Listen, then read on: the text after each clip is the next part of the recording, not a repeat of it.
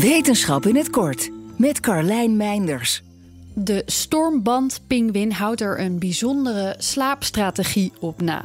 Het dier slaapt in totaal wel 11 uur op een dag, alleen niet aan één stuk. Hij verdeelt het over zo'n 10.000 microdutjes van zo'n 4 seconden. Onderzoekers kwamen hierachter door de pinguïns in het wild in Antarctica te bestuderen.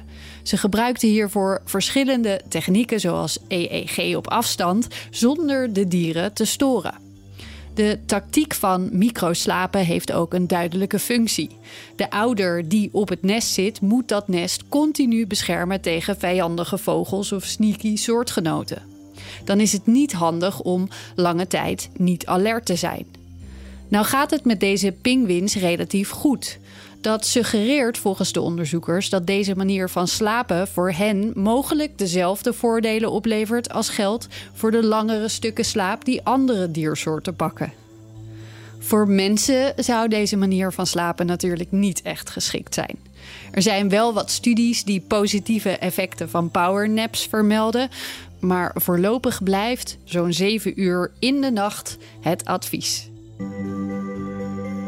Wil je elke dag een wetenschapsnieuwtje? Abonneer je dan op Wetenschap vandaag. Luister Wetenschap vandaag terug in al je favoriete podcast-apps. Ook Thomas van Zeil vind je in de BNR-app. Je kunt live naar mij luisteren in Zaken doen, de BNR-app met breaking news, het laatste zakelijke nieuws en je vindt er alle BNR-podcasts, bijvoorbeeld Het Nieuwe Geld. Download nu de gratis BNR-app en blijf scherp.